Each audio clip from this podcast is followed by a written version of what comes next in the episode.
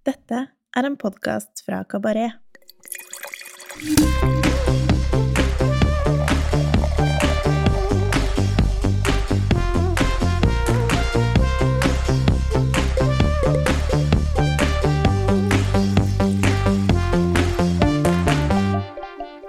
Hallo, hallo. Velkommen til Ukas vin, en podkast fra Kabaret, der vi hver uke tester én vin som vi enten digger eller har trua på.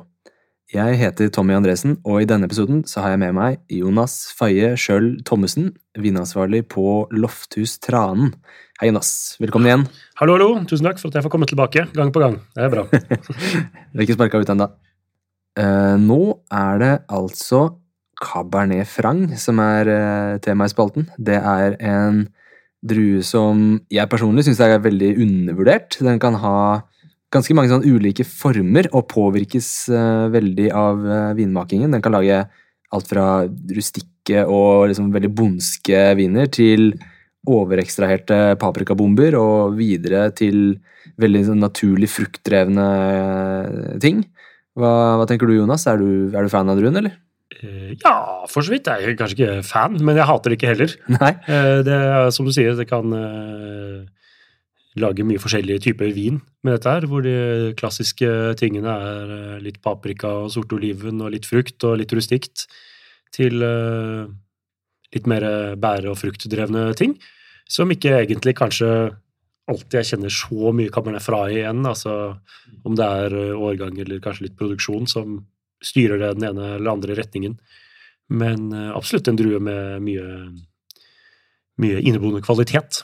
Altså, jeg mener Cheval Blanc er jo stort sett 50% Cabernet Fra. Topp, topp, topp vin, liksom. Ja, det kan jo være, det kan jo være en del av eh, Bordeaux-blender, eh, eller det kan stå på egen hånd i, i Loire, men har også blitt mye mer populært i hva skal jeg si, litt sånn eh, mer naturlige hos mer naturlige produsenter i USA, California, California spesielt kanskje, og eh, Australia begynner å dukke opp litt. og det, det virker som en drue som på en måte naturfolka tar til, til seg. Ja, det har vel en slags trend, trendeffekt. Jeg vet, jeg husker ikke helt sånn fra skolen om det er liksom veldig resistente druetyper og sånt, men, eh, men eh, de gir jo gode viner, da.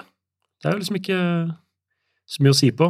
Jeg har smakt en del, så er det ikke så ofte jeg smaker noe som jeg syns er direkte dårlig. Ja, hvordan det låner seg i Australia og USA i disse tider. eh, Kanskje det er topp klima, kanskje tåler bra varme, eller tåler litt eh, varme sånn sett. Så jeg har ikke smakt noe, tror jeg. Jo, kanskje noe Kanskje noe australsk. Ellers så tror jeg ikke jeg har smakt noe annet enn Cabernet Franc fra enten typ i Bordeaux-blends eller Loire-strekka, altså. Nei, jeg vet, eh, sånn som eh, Brocksellers er en ganske kul uh, Cabernet Franc, faktisk. Ja, de har, tror jeg nesten bare smakt eh, Eller de har bare smakt eh, Sinfandellene fra, som jeg husker var all the rage når det kom. Ja, ja, ja. Uh, I en litt sånn uh, undermoden stil. Så Men jeg kan se for meg at de kan lage topp topp viner med dette her. Litt mer på den juicy, friske siden kanskje, eller en, Ja, en paprikabomb. Ja, ja, ja. Ja, til og med eh, i Canada til og med mm, lager de litt eh, Cabernet Franc. En produsent som heter Lockenworth eh, har fått til, eh, fått til det helt, helt oppi der. Så artig drue, men hovedsetet er jo selvsagt i Loire. Og der har jo skal man si Rødvinen fra Loire har jo ikke vært den aller mest populære, men jeg syns de er veldig kule, mange av de som kommer derfra. Altså både Cabernet Franc og viner laget på Groyot og Pinot de Nice, og, men også innimellom litt ting hvor det er litt eh, Cott, eh, eller altså Malbec, eh, involvert. Eh, har du noen eh, eh, personlige favoritter på den røde siden i Loire, Jonas? Eh, sånn produsentmessig, eller sånn druetype? Eh, begge deler, kanskje. Ja. Eh, først og fremst må jeg si at jeg har smakt eh, litt viner med Pinot de Nice, som jeg ofte syns er hakket mer interessant eh, for meg enn Cabernet Fra. Eh, selv om Cabernet Fra også har Altså, man kan lage veldig flotte viner av det. Eh, men Pinot og Nissen har liksom et ekstra sånn bærtouch, en slags sånn viskositet der, som jeg syns er utrolig flott, samtidig med et mer pepret preg, kanskje en paprika alltid, da. Eh, Men eh, nei, altså Clos Rougeoir, hvis man eh, får smakt sånt. Ja, det er jo en sjeldenhet. Eh, Og Nei, sånn Bre- Breton da, har jo vært liksom en uh, traver der lenge. Uh, så er det hva, uttaler man det? Coly Dutail, uh, Dutay, som er en Chinot-produsent, som eh, vet har vært litt eh, eldre kuver tilgjengelig gjennom polet, som eh, er mer sånn old school, strukturert, eh, hva som man skulle sammenlignet med noe kanskje mer en Bordeaux-stil, Mm. men som jeg syns eh, med utvikling også er utrolig flott. Ja. Eh, så, men stort sett så blir det vel kanskje hvitt Ja. eh, fra Loire eh, på meg, altså, egentlig, må jeg si. ja, det er jeg enig i.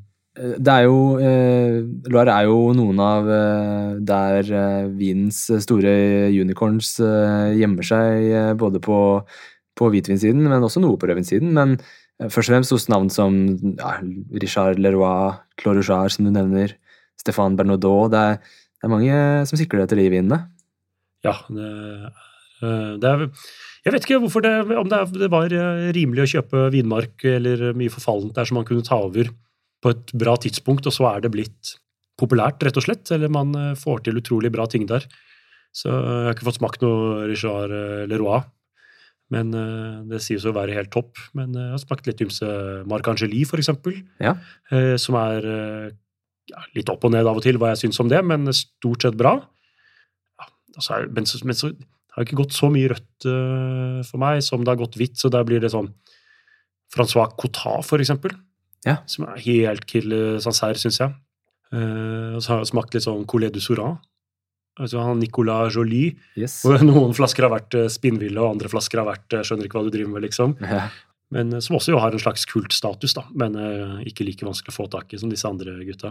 Nei, for Det virker som at det har skjedd eh, veldig mye de siste kanskje bare fem årene. For jeg husker jeg var på uh, relé i jeg lurer på om det har vært 2016 eller 2017.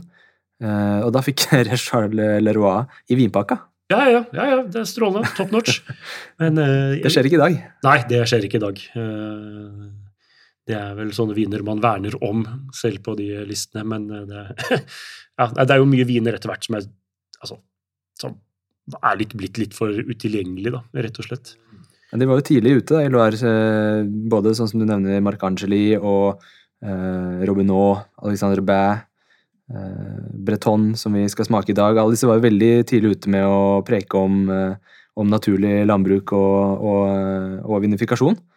Eh, og da, jeg husker da jeg, jeg, jeg satt på den lille vinbaren til eh, Septim i Paris, så var det faktisk en uh, Cabernet Franc fra, fra Domain Breton som var blant vinene de trakk frem som det, noe av det liksom mest spennende de kunne anbefale der og da.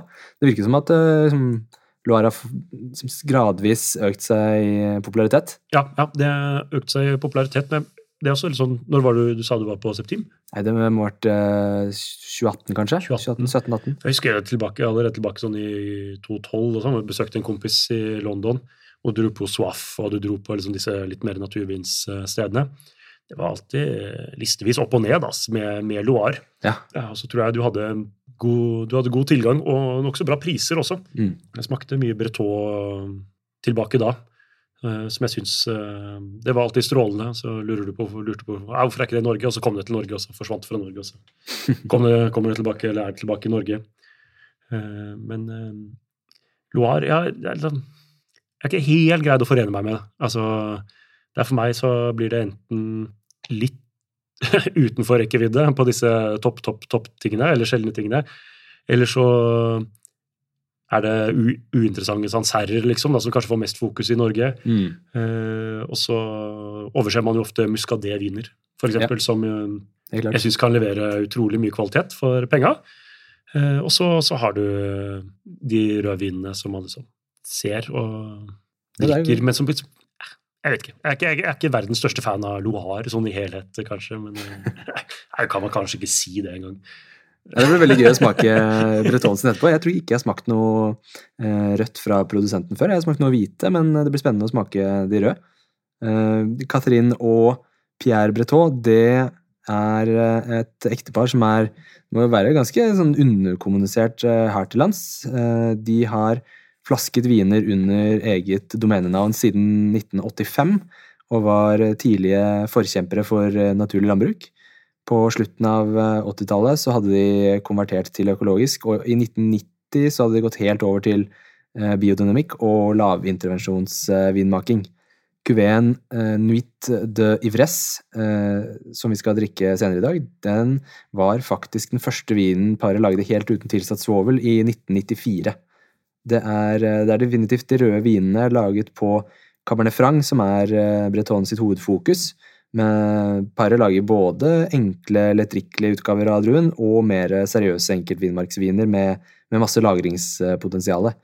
De fleste av kuveene kommer fra deres eh, hjemkommune Bourgøy, men de lager også viner fra nabokommunen Chinot og i Vouvray.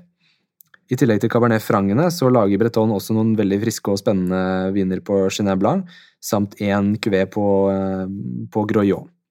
En petnat på Chenin Blanc har tidligere vært tilgjengelig i Norge, men er dessverre utsolgt per nå. Eh, Også en liten eh, fun fact til slutt. En, det lokale navnet på Cabernet Franc i Loire er faktisk Breton. Ah, ok, det visste jeg ikke. Ja, ja. Nei, ikke heller. Da er det hånd i hånd, da, vet du. Da går det bra, da. Perfect match. Kuveen uh, Nuit de Ivresse, den er biodynamisk dyrket. Det er 50 år gamle vinstokker planta i et jordsmonn av leire og kalkstein. Druene er eh, avstilket og spontanfermenteres med tre uker skallkontakt. Videre modning på gamle 225 liters eikefat i tolv måneder før flasking. Vinen er ufiltrert og usvovlet. Skal vi smake litt? Uh, ja, smaking er bra. Smaking er bra. Hei! Heidi fra nettbutikken vinskap.no her. Vi kan ganske mye om vin og enda mer om tilbehøret. Derfor har vi laget en egen nettbutikk for oss som har vin som lidenskap. På vinskap.no har vi samlet over 200 ulike glass fra kjente merkevarer som Salto og Riedel. Du finner vinåpnere, luktesett, kåravin, vinhyller og mer enn 50 forskjellige vinskap i ulike størrelser. Vi har fri frakt, daglige utsendinger fra Norge og en kundeklubb med gode tilbud. Besøk vinskap.no i dag.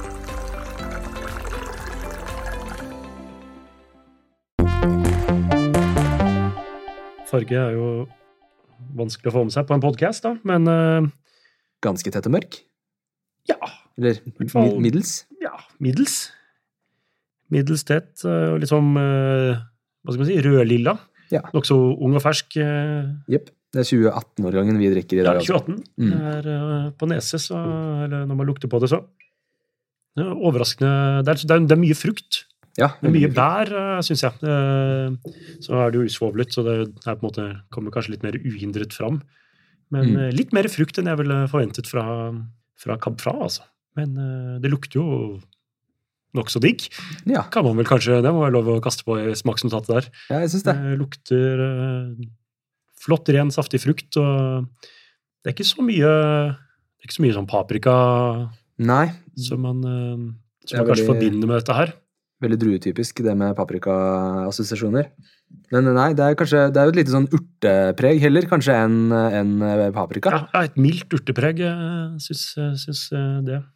Og den er ganske sånn floral og liksom, hva skal man si, litt sånn high pitched i, i lukten. Det er litt Ja, sånn ja high pitch. topptoner der. Du sier high. Ja, topptoner. Det er også et, eh, hva kan man si, et litt håpløst begrep begrep når det kommer til vinsmaking, men eh, vi to vet i hvert fall hva vi, hva vi mener.